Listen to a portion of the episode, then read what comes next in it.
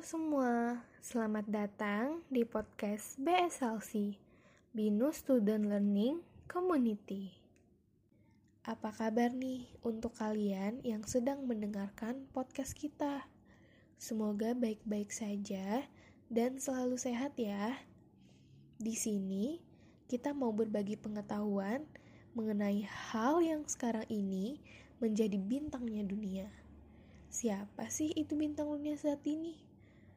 Hmm, ya si virus corona tentunya.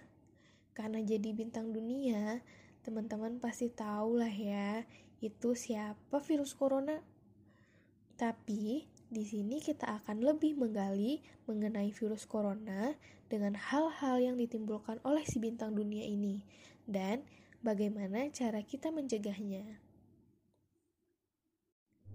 Singkatnya, coronavirus adalah suatu kelompok virus yang dapat menyebabkan penyakit pada hewan atau manusia. Beberapa jenis coronavirus diketahui menyebabkan infeksi saluran nafas pada manusia mulai dari batuk pilek hingga yang lebih serius seperti Middle East Respiratory Syndrome atau MERS dan Severe Acute Respiratory Syndrome atau SARS. Sebelumnya, negara tirai bambu juga pernah diserang wabah SARS pada tahun 2002 sampai 2003 silam. SARS atau Severe Acute Respiratory Syndrome ini merupakan sindrom penapasan akut parah. Nah, coronavirus jenis baru yang ditemukan menyebabkan COVID-19 yang sekarang ini menjadi bintang dunia. Nah, jadi virus corona adalah nama virusnya dan COVID-19 adalah nama resmi penyakit yang disebabkan oleh virus corona baru dan awal terjadi wabah ini di Wuhan, Tiongkok pada bulan Desember 2019. Untuk data terbaru, 9 Mei 2020, di Indonesia terkonfirmasi positif corona 13.112 orang, yang sembuh 2.494 orang, dan meninggal dunia 943 orang.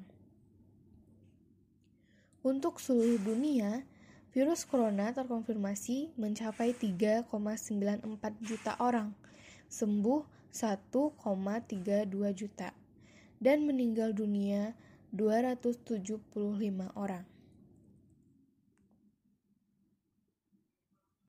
Dari mana sih asal virus corona itu?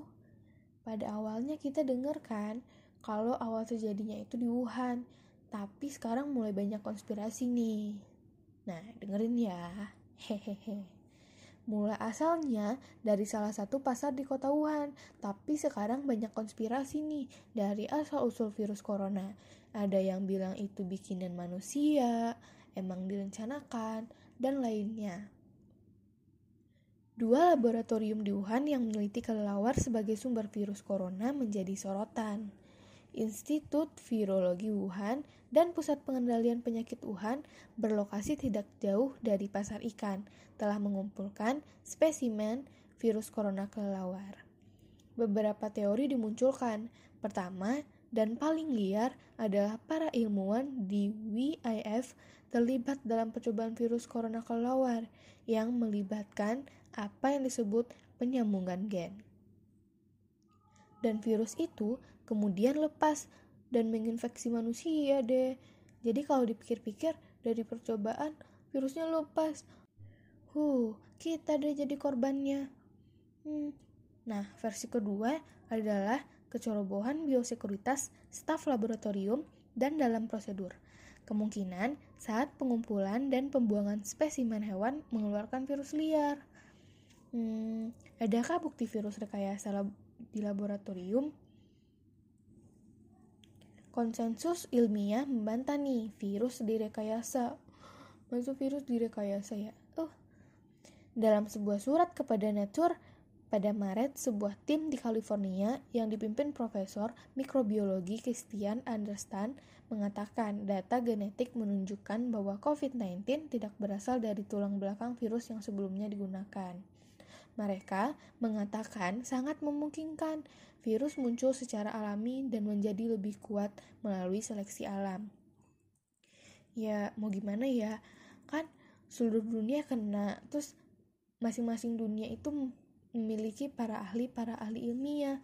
Jadi banyak dong pemikiran pemilik pemikiran yang menyebabkan kontroversi. Kalau menurut kalian yang mana nih yang benar?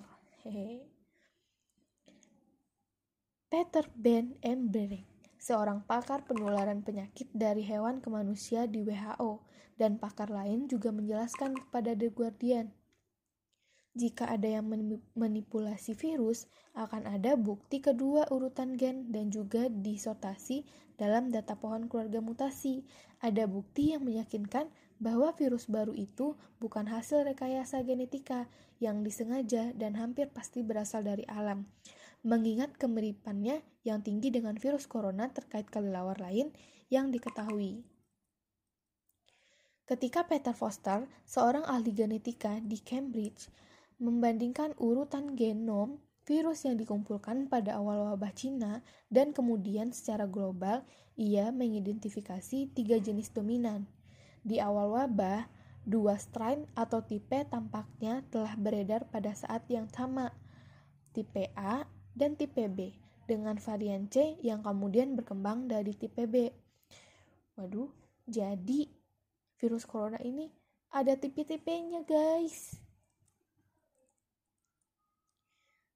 Tetapi dalam sebuah penemuan yang mengejutkan, versi yang dengan kemiripan genetik yang paling dekat dengan virus corona kelawar bukanlah yang paling umum ditemukan di Wuhan, tetapi dikaitkan dengan bermunculannya kasus-kasus awal di provinsi Guangdong Selatan. Dengan kata lain, masih belum ada kepastian bahwa Wuhan adalah tempat virus itu pertama kali muncul. Hmm, gimana nih menurut teman-teman? Jadi awal mulanya dari mana sih? Nah, kita sebagai masyarakat harus bisa nih memilah dan memilih berita-berita yang ada. Mungkin pihak-pihak yang berwenang seperti WHO memiliki keakuratan data yang tepat. Namun, saat sekarang ini dari beberapa para ahli dunia masih mencari dari mana sih asal-usul itu sebenarnya tanpa ada diskriminasi-diskriminasi dari negara-negara lain. Nah, karena adanya wabah virus corona mengharuskan pemerintah mengambil sikap untuk kita, masyarakat Indonesia, melakukan social distancing.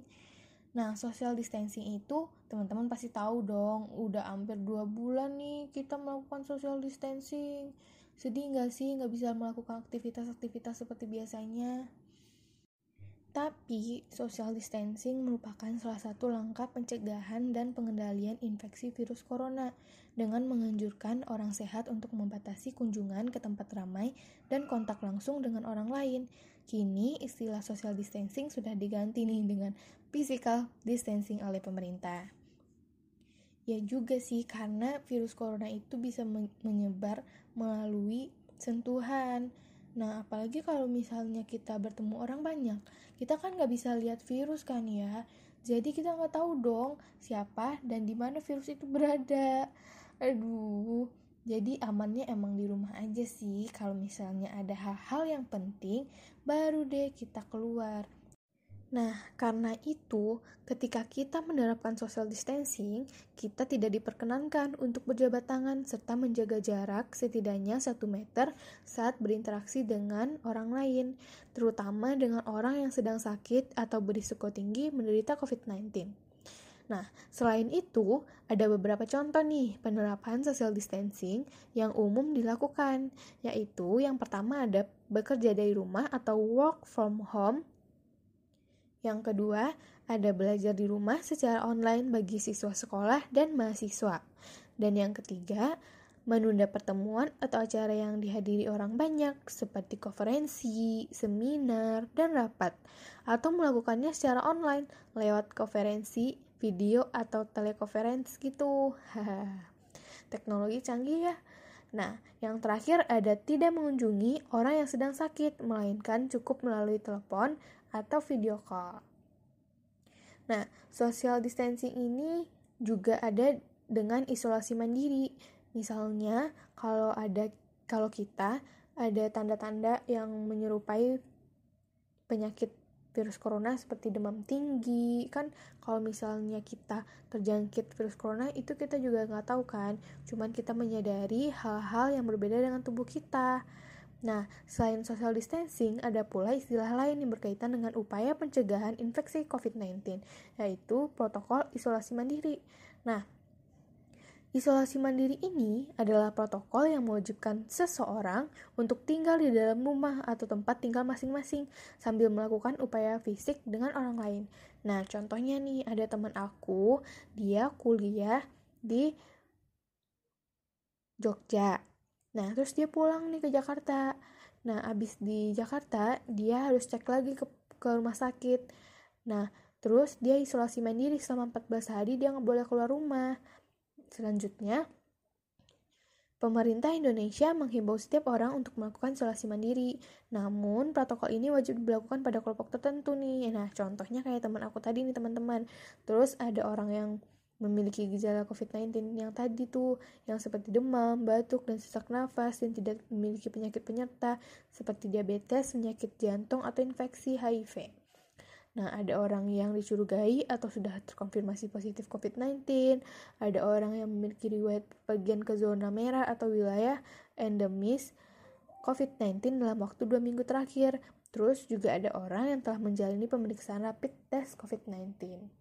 Nah, teman-teman kalau misalnya ada gejala-gejala yang rada-rada mencurigakan nih, asik mencurigakan, ya yang kayak hmm, demam tinggi, batuk, terus sesak nafas. Coba deh cek dulu ke rumah sakit untuk pencegahan terjadinya kan kalau misalnya kita terjangkit nih satu dalam keluarga terus yang pastinya satu keluarga dalam rumah itu berkemungkinan akan mengalami COVID-19 juga nih teman-teman. Nah, jadi Resiko tertular itu tergantung lokasi kita tepatnya. Apakah sedang terjadi wabah COVID-19 di sana? Kalau kita di rumah aja, pastinya wabah virus corona akan jauh dari sekitar kita. Dan di sebagian besar lokasi, risiko tertular COVID-19 masih rendah. Namun, ada tempat-tempat kota atau wilayah di seluruh dunia di mana penyakit ini menyebar. Nah, contohnya seperti kayak di perkampungan mungkin di sana masih minim nih COVID-COVID-19-an. Nah, kalau misalnya di kota-kota besar yang sekarang udah ada orang yang terjangkit virus corona, mungkin itu bisa menjadi zona merah. Nah, selanjutnya, orang yang tinggal atau mengunjungi wilayah-wilayah yang lebih berisiko tertular COVID-19 Pemerintah-pemerintah dan otoritas kesehatan mengambil tindakan tegas setiap kali kasus COVID-19 baru teridentifikasi. Patuhilah larangan-larangan perjalanan, pergerakan, atau pertemuan dengan jumlah peserta yang besar yang diberlakukan di tempat kamu berada ya, ya guys. Nah, ada juga nih. Nah, sekarang kan juga udah ada PSBB nih. Terus kalau misalnya di jalan contohnya di jalan-jalan tol kita juga ada checkpoint Nah, kita harus berhati-hati seperti yang aku bilang tadi nih, kalau misalnya nggak terlalu penting, uh, seharusnya jangan keluar deh. Nyaman-nyaman aja nonton drakor di rumah. nah, terus kita harus bekerja sama nih dengan upaya-upaya menghindari penyakit agar menurunkan risiko buat kita tertular virus 19.